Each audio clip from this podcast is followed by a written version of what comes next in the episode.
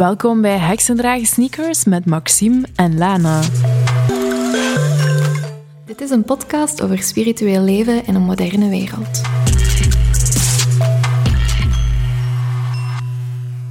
We hebben terug een mooie review ontvangen van Lisa. En ze schrijft: Maxime en Lana zijn twee prachtvrouwen. Dat hoor je zo door de microfoon. Heel inspirerende en herkenbare podcast over spiritueel leven als jonge vrouw. Dankjewel, Lisa. Super fijne review. Als je graag wilt dat wij je review ook voorlezen op de podcast, mocht je er altijd eentje achterlaten op iTunes. We vinden het sowieso heel fijn om van u te horen. En sterren worden natuurlijk ook altijd heel hard geapprecieerd. In de vorige aflevering hebben we het gehad over onze hacks en hoe dat onze levens eruit zien. We hebben uh, toen heel veel vragen binnengekregen en we hebben ze niet allemaal kunnen beantwoorden.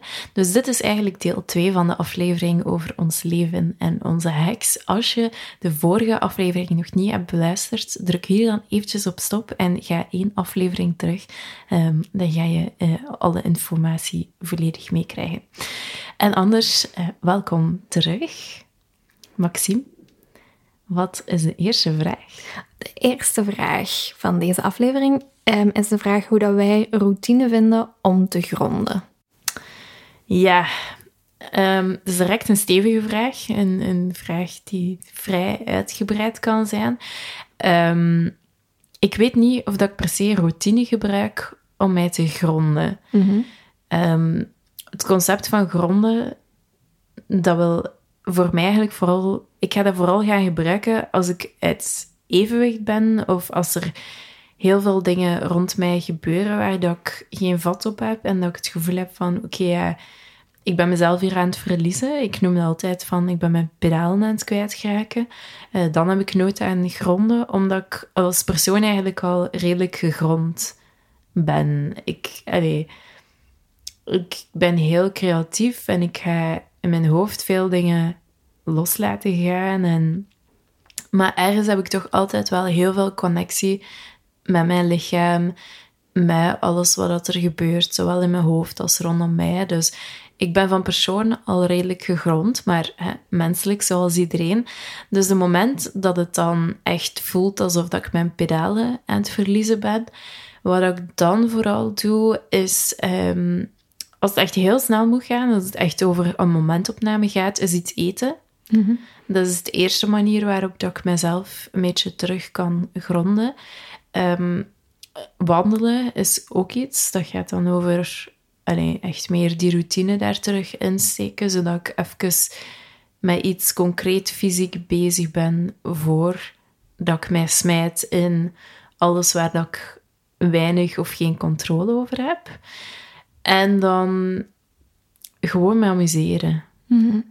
Dat is nu iets raar, misschien niet concreet genoeg als dat je zou verwachten, maar iets waar dat ik absoluut plezier uithaal. Um, even bezig zijn met mijn katten, die heel grondend werken zijn. Um, of naar Dreamcatchers gaan als ik even voel dat te veel wordt. Um, ja, echt die focus gaan verleggen op dingen waar dat ik weet van vooraf aan dat ik er plezier uit haal. Uh, naar een filmpje, een romantische komedie kijken of zo. Gewoon even zo, ja, mij eruit halen en ergens anders mee bezig zijn. Dat helpt voor mij persoonlijk om mij te gronden. Mm -hmm. wat, wat, zou jij voorstellen? Wel, het is heel grappig, want jij zit nu aan het vertellen hoe jij in het algemeen een heel gegrond persoon bent. Ik ben in het algemeen een heel ongegrond persoon. En ik denk dat mensen dat meestal niet verwachten. Als je mij zo ziet... Ja, dat snap ik. En als je volgt wat ik aan het doen ben, dan heeft iedereen zoiets van oh, die is zo chill en die is altijd zen en altijd met yoga bezig en wauw, die ziet er echt super... Ik kan bevestigen dat dat niet zo is. Nee, nee. nee dus um, ik heb al die dingen nodig, net omdat ik anders gewoon shit crazy ben in mijn hoofd. Ik, ik ben een heel ongegrond persoon. Je mocht aan iedereen vragen. Mijn Reiki-master is daar ook altijd over bezig. Dat, ik, dat mijn voetjes nauwelijks de grond raken. Dus gronden is voor mij echt wel iets in mijn dagdagelijkse routine ook zoals jij het beschrijft, wanneer, er zo, wanneer ik de pedalen aan het kwijtraken ben, dan zeker nog meer. Maar ik heb dat gewoon ook echt dagdagelijks nodig. En bij mij ziet er dat heel simpel uit. Ik moet ervoor zorgen dat ik mijn dag start met mijn blote voeten op de houten vloer. En dat ik mijn gewicht naar beneden toe breng. Dat ik echt, ja. focus in die voeten, focus in die benen, focus in het gronden. Mensen die al ooit een yogales bij mij gevolgd hebben, die weten ook dat ik dat altijd, altijd, altijd doe. Beginnen in die benen en van daaruit kunnen opbouwen. Ik probeer ook echt wel iedere dag buiten te komen, iedere dag in de natuur te komen. Ik moet heel veel reiki op mijn voetjes doen. Dus als ik merk dat ik te zeer in mijn hoofd zit en aan het wegzweven ben, dan is het altijd handen op mijn voeten terug, dat contact maken fysiek met mijn lijf. Uh, eten is ook een hele belangrijke. Goed, hydrateren is ook een hele belangrijke. Eigenlijk zo de dagdagelijkse dingen om mij eraan te herinneren dat ik in een lijf woon, dat ik niet alleen een hoofd heb, die, die zijn ja, heel belangrijk om gegrond te blijven voor mij. Wat ik ook doe, als ik echt zo het gevoel heb van ik heb een zware dag gehad en het gaat even niet of zo en ik moet even bij mezelf binnenkomen en het gaat niet door meditatie, dan uh, leg ik mij met mijn voeten in de lucht. Explain. Ja, dus tegen de muur, dus ik ga op mijn rug gaan liggen. Like against the wall. Ja, ja, en mijn benen tegen de muur en mijn voeten echt omhoog. Dus eigenlijk een beetje het omgekeerde van mhm. wat jij doet. Maar dat zorgt er echt voor dat ik kan terug zakken en ja. even loslaten. En dat is ook wel, je hebt het contact van je bekken en van je rug met de, met de grond. En dat is voor mij belangrijker dan in die benen. Ehm, dus ja, ik denk dat dat ook heel specifiek is mhm. voor iedereen, waar dat je dat punt voelt van echt gegrond te zijn. Ehm, maar ja. Ja, ik neem meestal de voeten, omdat de bekken niet altijd veilig zijn voor iedereen. Want ik werk met veel hm. mensen die ook trauma hebben en zo, maar inderdaad, bekken werken ook supergoed. De volgende vraag ligt daar eigenlijk een beetje in het verlengde. Ehm, hoe dat wij om, balans vinden. Ik vind dat eigenlijk een beetje... Ik ben al heel lang op zoek naar balans. En dat is zo al heel lang mijn eindpunt van eindelijk een gebalanceerd leven te hebben. En het is zo pas de laatste maanden dat ik besef dat dat niet bestaat. Ehm, en dat klinkt nu zo redelijk, dat klinkt nu redelijk zo van, oké, tada, Maxime zegt dat het niet bestaat. Nee, maar wat ik daarmee bedoel is, als ik merk dat ik op zoek ben naar balans, dan ben ik zo op zoek naar het geïdealiseerde beeld van balans. Dat ik iedere dag op een bepaalde manier moet zijn en mij op een bepaalde manier moet voelen. En ik begin gewoon steeds meer te beseffen dat balans betekent dat je moet kunnen meegaan met de flow. Omdat het de ene dag het ene is en de andere dag het andere is. En dat balans vooral is in de situaties kunnen staan en te kunnen dragen, maar dat die niet per se, dat, dat niet per se wil zeggen dat, dat je er volledig zijt en dat je volledig als een ja, als een verlichte persoon rondloopt en zo, ah, alles is in orde. Dus ik, ja, ik, ik vind zo, ik begin mij steeds meer af te zetten tegen het idee van balans. Ik heb zoiets van, laat het maar een beetje messy, laat het maar een beetje messy zijn. Ja, tuurlijk. Um, wat ik ging zeggen. Iets heel anders. Ja, ik was zo schrik om... Uh, nee, uh, balans is een mindset. Mm En eigenlijk de moment dat je zegt van, ik moet eigenlijk meer balans vinden te omzetten naar ik heb balans. Aha. De balans zit in mij. Ehm, ook veel oefeningen doen op basis van uw core en, en uw ruggraat ondersteunen. Dat helpt wel. Maar eigenlijk, die ruggraat is er. Die balans, die stevigheid zit daar. En je kunt daar altijd op terugvallen. Dus ja, ik weet dat dat soms kan voelen alsof dat je uit balans bent. Maar eigenlijk is dat gewoon iets dat je hoofd u doet geloven. Um, tenzij dat je echt evenwichtstoornissen hebt, kun je altijd op een bepaalde vorm van balans terugvallen om dat gevoel te versterken van oké, ja, eigenlijk alles is nog oké. En als je je mindset daar naartoe brengt van ik heb die balans en ik kan daarop terugvallen, dan gaat het ook beginnen voelen. Dus het is eigenlijk een beetje reverse engineering.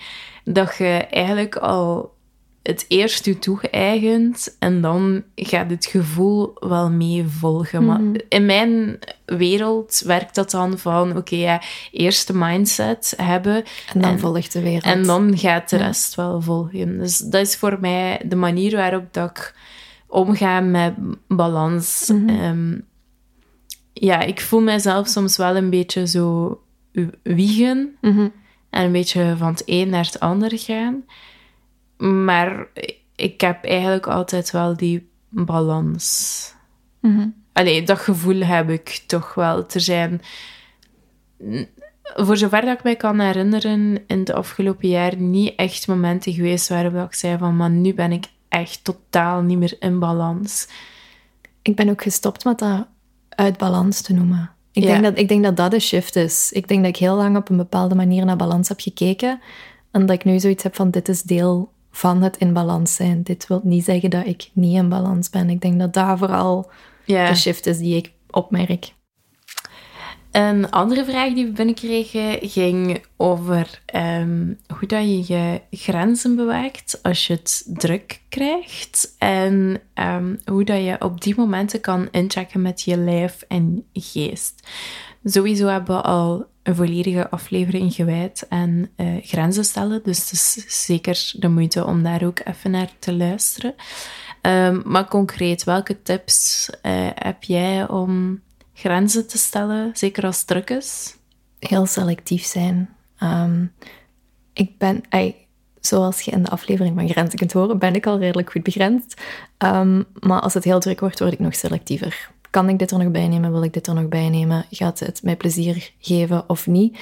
En ik ben ook iemand die nogal redelijk makkelijk dingen cancelt wanneer het druk begint te worden. Dingen die ik had ingepland, die op dat punt perfect haalbaar waren. En dan andere dingen die gewoon belangrijker is een groot woord, want dat klinkt zo alsof, alsof sommige dingen niet belangrijk zijn, maar andere dingen die op dat moment prioriteit hebben, die kan ik dan echt wel laten voorgaan en, en andere dingen een beetje reschedulen en er wat rond, rond gaan. Een van de dingen die dan ook heel belangrijk is voor mij, is dat ik wel mijn routine blijf houden. Dus hoe dat je dan kunt invoelen met je lichaam en met je geest, is om ervoor te zorgen dat je wel je vaste stramien blijft behouden. Dus bij mij is dat, zelfs als ik het druk heb, blijf ik wel vroeg opstaan om mijn tijd ochtends voor mezelf te hebben. En zorg ik ervoor dat ik doorheen de dag toch ergens wel een half uurtje heb om een dutje te doen of zo. Zo die dingetjes die je misschien sneller zou laten vallen, net omdat het al druk is. Dat je echt wel be- begrenst en bewaakt dat je die blijft bijhouden. Ja. Voor mij, ja, grenzen voor mij zijn Volledig, ja, een volledig andere ervaring. Ehm, sowieso het eerste, ehm, wat is druk zijn? Hey, wa- wat betekent dat Eh, voor mij? Ik, ik leef in drukte. Ik leef in... eh, ik hou van met veel dingen bezig te zijn en het druk te hebben. En ja, dus dat zijn mijn momenten waarop dat ik... Allee, dat, ik, dat shine, dat ik, dat met plezier daar naartoe ga. Dus voor mij is, is dat niet zo echt iets waar ik grenzen moet gaan hebben. Voor mezelf, hè, want dat is heel persoonlijk. Nu, op een bepaald moment wordt het wel te veel. En de mensen die al een tijdje volgen, die weten ook dat ik dan over die grenzen ga. En op zich vind ik dat niet zo erg. Ehm, maar de manier waarop dat ik daar dan mee omga, is dat ik ook prioriteiten stel. Eh, ik maak eigenlijk een lijstje als echt niet meer ga, als ik echt niet meer kan volgen, of als mijn lichaam zoiets heeft van, eh, ja, Lana, kom, het is genoeg geweest. Dan is het echt een lijstje. Dan ga ik echt gaan kijken van, oké, ja, wat kan er absoluut niet wachten? En dan ga ik dat volledig gaan mij op focussen en op werken en al de rest eigenlijk echt gaan negeren. Maar ik moet wel fysiek dat op papier gaan schrijven en fysiek een lijstje gaan maken. En ja, dan ook echt maar op één ding gaan focussen en al de rest gewoon eigenlijk te laten vallen. Wat ik dan niet echt doe, omdat dat, dat gaat gewoon... Allee, ik kan dat gewoon niet, maar ik moet wel die mentaliteit als eerste gaan, gaan hebben. Ehm, hoe dat ik dan ga gaan inchecken en zowel bij mijn lijf als mijn geest, een beetje zoals dat jij al zei, wat ik denk als je moeite hebt met om te gaan met heel drukke periodes en zo, is dat je al heel geoefend bent in je routine om om te gaan met je lichaam en je geest nog voordat het druk wordt. Het is niet iets dat je zelf moet gaan aanleren op het moment dat het druk wordt. Ik was het Dus- net aan het denken, als je dat er dan ook nog eens bij moet Ja. nemen, dan word je helemaal gek. Nee, dus eigenlijk is dat iets dat je in rustige momenten, in momenten dat je je comfortabel voelt, al heel goed moet geoefend en getraind hebben om dan te gaan inchecken met je geest. Ehm, voor mij is meditatie dan mijn vaste waarde, waar dat ik niet van afwijk. Ehm, als het druk is, worden dat dan 10 minuten in plaats van 20 minuten. Maar dat zijn wel 10 superkrachtige minuten. Dan weet ik ook echt wel hoe dat ik heel snel daar naartoe moet gaan en die ruimte moet creëren in mijn hoofd. En om te gaan luisteren, enerzijds van wat speelt er allemaal, anderzijds om gewoon even rust en niks te hebben in mijn hoofd. Maar dat, dat, dat doe je door heel veel te oefenen op voorhand. Ehm, dat lijf inchecken, dat is een ander verhaal. Dat is echt wel gewoon mijn lijf die alarmbellen. En je lijf zorgt er wel voor dat Ja. je checkt. Dus ik durf dat lijf misschien net iets meer verwaarlozen, alhoewel dat dat ook wel naar boven komt. Maar ik heb de neiging om er iets minder soms naar te luisteren. Ehm, dat is mijn werkpuntje. En het ding wat ik wel al geleerd heb, is om op dat vlak mijn omgeving te betrekken. Ehm, bijvoorbeeld mijn man, als die merkt van oké, het is hier weer op het randje aan het komen, dan gaat hij heel streng optreden. En wij hebben ook de soort relatie waarbij dat, dat kan en, en waarbij dat, dat wenselijk is. Dat is misschien niet bij iedereen.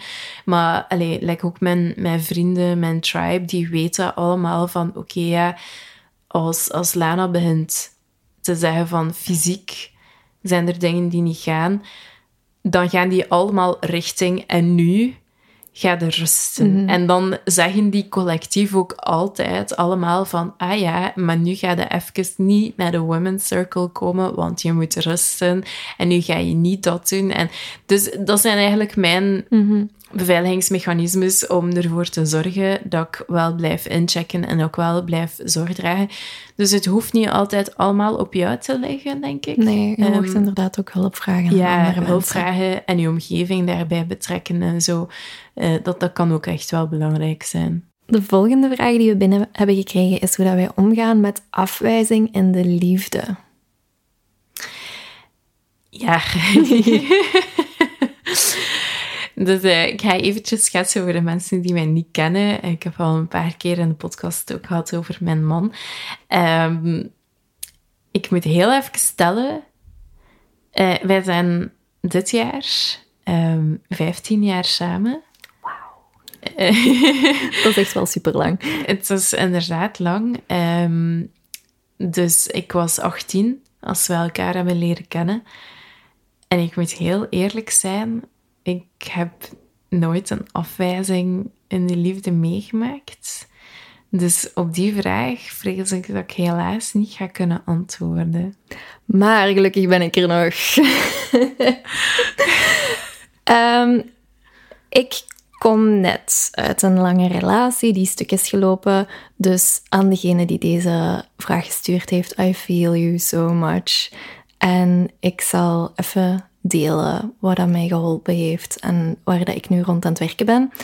Het eerste waar ik wil zeggen, voor de vragensteller, maar ook voor alle mensen die luisteren, afwijzing in de liefde heeft niet per se iets met u te maken. Dus hou alsjeblieft op met zo hard na te denken van wat heb ik fout gedaan en wat is er dan niet lovable aan mij en al die dingen en al die gedachten. Dat is normaal dat die naar boven komen, maar die zijn niet nodig. Dus wees lief voor jezelf. Geef jezelf de ruimte om alles te voelen wat je daar rond moet voelen. Maar besef ook wel dat je hoofd er waarschijnlijk iets veel groter van het maken is dan dat het uiteindelijk is. Ehm, twee van mijn grootste tips is ten eerste heel lief zijn voor mezelf en heel goed aan zelfzorg doen. Dus afwijzing in de liefde is nooit leuk, want dat geeft je een gevoel alsof er ergens iets mis is en ook alsof je ergens iets niet krijgt wat je wel gevraagd hebt. En dat klinkt zo cliché, maar jij kunt dat gat wel voor een deel opvullen. Dus om iets beter voor jezelf te gaan zorgen, om de dingen te gaan onderzoeken die je aan het zoeken bent in de relatie, die je aan het zoeken bent van de andere persoon, en om eens te kijken hoe dat je dat aan jezelf kunt geven, of hoe dat je dat misschien in andere dingen kunt gaan zoeken. Uh, steun bij je vrienden, hobby's, al die, al die cliché dingen die je leest in, in artikels op momenten dat je een break-up hebt en dat je denkt, ja, het zal wel, maar er zit toch wel ergens iets in. Ga op zoek naar wat je wilt, naar wat je zoekt in een relatie, naar wat je jezelf kunt geven. En tegelijkertijd wordt het dan ook heel duidelijk wat je van iemand verwacht in een relatie. En dan gaat u ook weer helpen als je ooit op het punt komt dat uw hartje genoeg geheeld is om te zeggen van ik I'm gonna step out there again. Ik ga zien of het deze keer wel lukt. Om heel goed te weten wat je wilt en om heel goed te weten wat je waard bent, wat je verdient om te krijgen, zodat je niet gaat settelen voor iemand die je niet kan geven wat je wilt. Want laten we eerlijk zijn, als iemand u afwijst, dan kan hij u niet geven wat je wilt en dan is dat niet de persoon waarbij dat je je leegte kunt gaan opvullen. Lana gaat ook iets zeggen. Ja, ik wou ook gewoon zeggen dat het woord afwijzing, ik vind dat een beetje moeilijk, omdat in mijn filosofie, de manier waarop dat ik kijk naar het leven, is dat eigenlijk geen afwijzing. Dat is gewoon een stap dichter dat je bij de persoon komt waar dat je ja, een meest fantastische mhm. relatie mee gaat hebben. Je bent ook een hopeloze romanticus.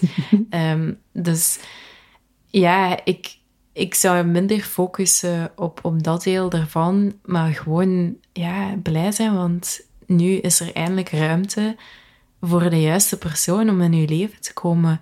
En dat is iets om veel meer naar uit te kijken en enthousiast over te zijn. En ja, allee, bepaalde obstacles zijn er gewoon om je naar een ander pad te brengen, naar een pad die juister is voor jou. En mhm.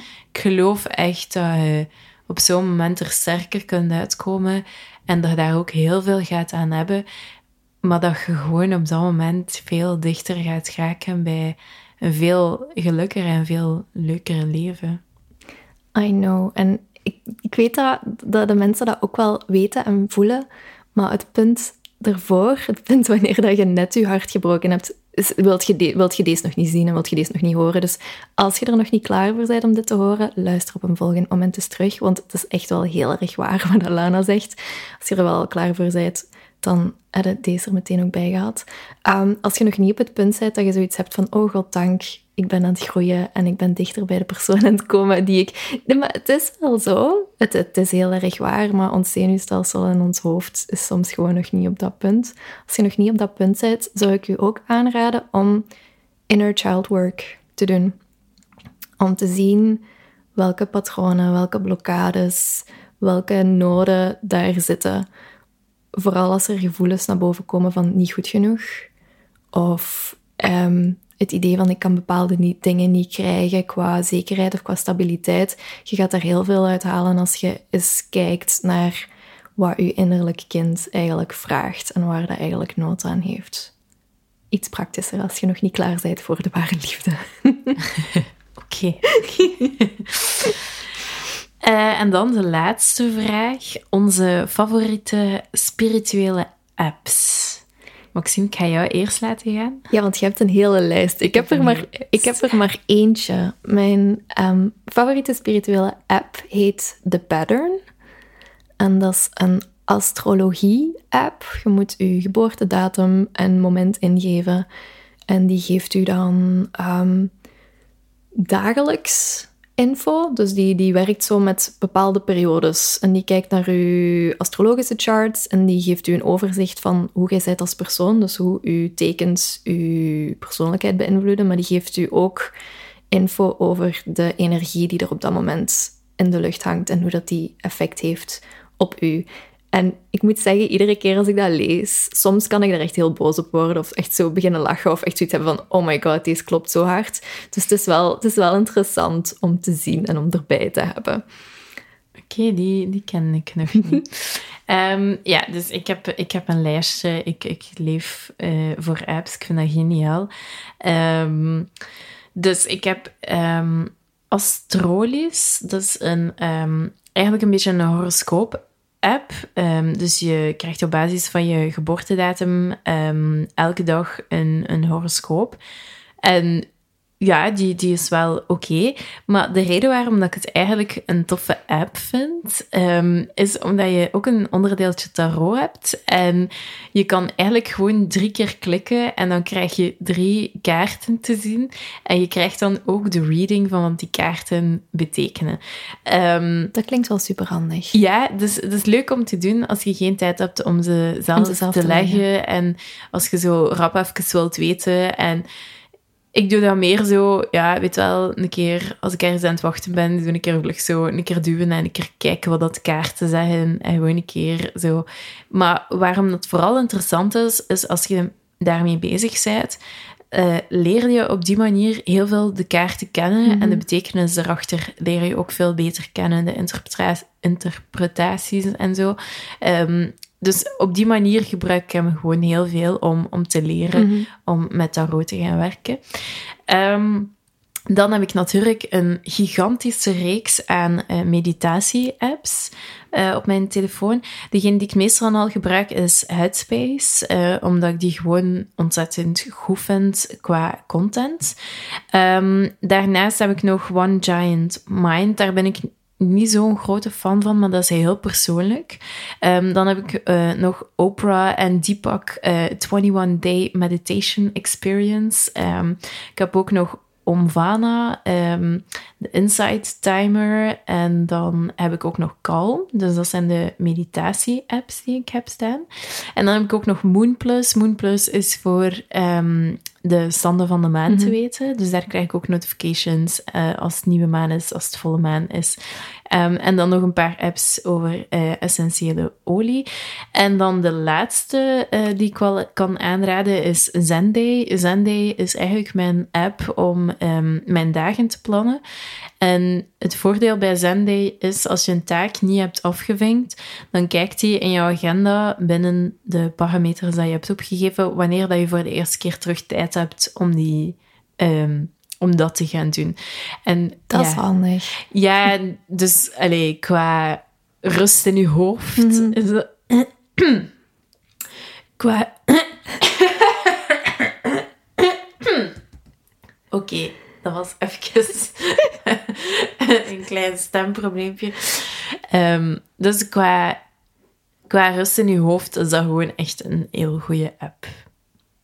Super, dan moet ik, nu moet ik echt dingen beginnen downloaden ook, heb ik het gevoel. Zo, nu wil ik dingen uitproberen. Ja, inderdaad. Uh, we zullen ze ook allemaal uh, linken in de show notes. En daarmee denk ik dat we alle vragen die zijn gekomen hebben beantwoord. Moest jouw vraag er nu niet tussen zitten, er zijn bepaalde die we um, gaan houden voor echt een volledige aflevering aan te wijden. Um, heb je nog een andere vraag voor ons? Zijn er dingen die je uh, nog niet uh, hebt gehoord of die je graag wilt weten? Dan mag je die altijd uh, doorsturen. We gaan in de toekomst waarschijnlijk wel nog zo'n afleveringen doen. Dus stuur gerust door als je nog iets wilt weten. Dank je dat jullie er weer bij waren. Het is super fijn dat jullie luisteren. Volgende week gaan we het hebben over onze spirit guides en over spirit guides in het algemeen. Dus als je benieuwd bent naar wat dat is, zeker luisteren. Fijn dat jullie er terug bij waren. Bedankt voor het luisteren. Uh, de show notes kan je zoals altijd terugvinden op lanaland.be en ook op maximevossen.be. Moest je nu nog vragen of opmerkingen hebben, dan mocht je dat altijd doorsturen op ons e-mailadres en dat is heksendragensneakers@gmail.com. Now go spread your magic.